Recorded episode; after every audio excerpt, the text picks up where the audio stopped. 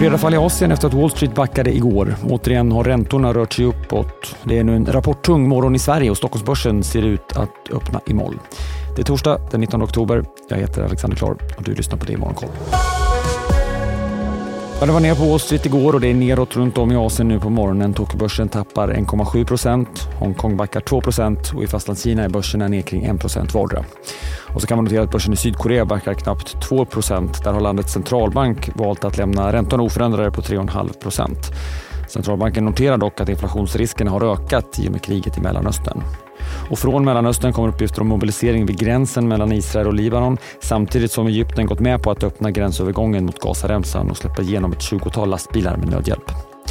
Wall Street föll som sagt igår. S&P 500 var ner 1,3 procent. Teknikfokuserade Nasdaq 1,6 procent. mycket handlar om vad som hände efter börsens stängning. Streamingjätten Netflix släppte sina kvartalssiffror. Bolaget slog förväntan. Antalet betalande användare var högre än väntat, liksom bolagets vinst för det gångna kvartalet. Och Netflix höjde också utsikterna för helåret och sa att man kommer höja priserna, framförallt i USA, men även i vissa europeiska marknader. Aktien rusade i efterhanden och steg över 12 procent.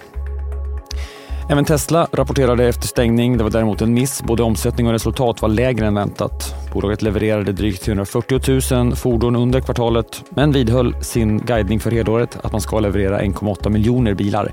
Det här betyder att man måste höja tempot i det sista kvartalet och leverera nästan 500 000 fordon.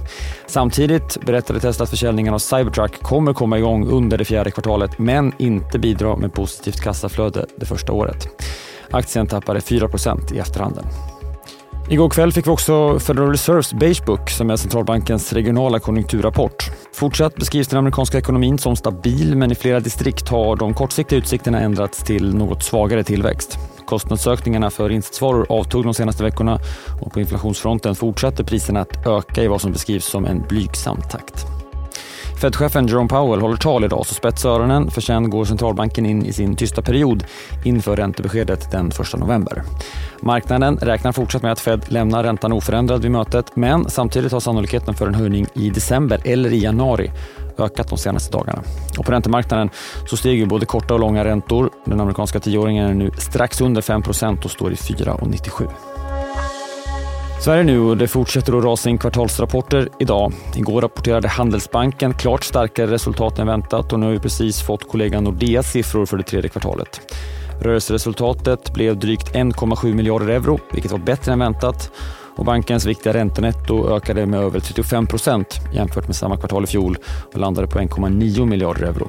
Och precis som vi såg i Handelsbankens rapport igår så var Nordeas kreditförluster lägre än vad marknaden hade räknat med. Credit losses will come. That's my absolutely uh, uh, clear opinion. Um, then the question, of course, what magnitude and when. But it is building up, and there's nothing that shows in the economies and the environment in which we live right now that will change immediately. Uh, and, and that will lead to next year being a bit tougher than this year. Sa Nordeas VD Frank van Jensen till DTV. Precis just nu rullar även siffror in från Telia som ser starkare ut än väntat. Telias justerade ebitda-resultat blev knappt 8,5 miljarder kronor. Ebitda-marginalen 38,5 procent, även den bättre än väntat.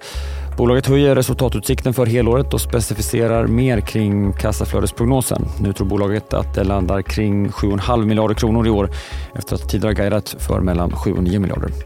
Medicinteknikbolaget Arjo förbättrar också resultatet. Jämfört med i fjol slog även marknadens förväntan i rapporten som kom nu på morgonen. Den organiska tillväxten var något bättre än väntat och bolaget upprepar sin guidning om att växa mellan 3 och 5 procent de kommande åren.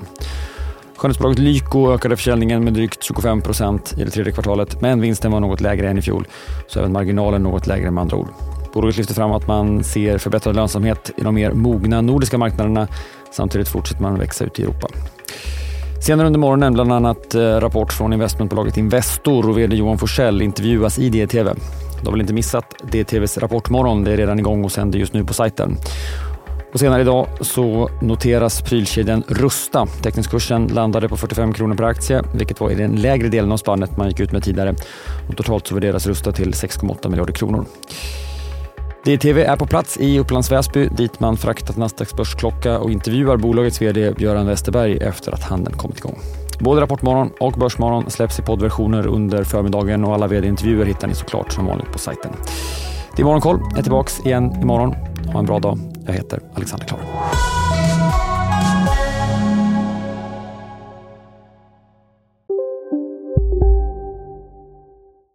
Vi är specialister på det vi gör, precis som du.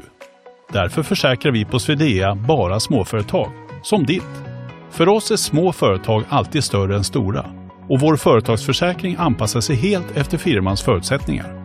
Gå in på swedea.se företag och jämför själv. Hej, Ulf Kristersson här. På många sätt är det en mörk tid vi lever i. Men nu tar vi ett stort steg för att göra Sverige till en tryggare och säkrare plats. Sverige är nu medlem i Nato. En för alla, alla för en.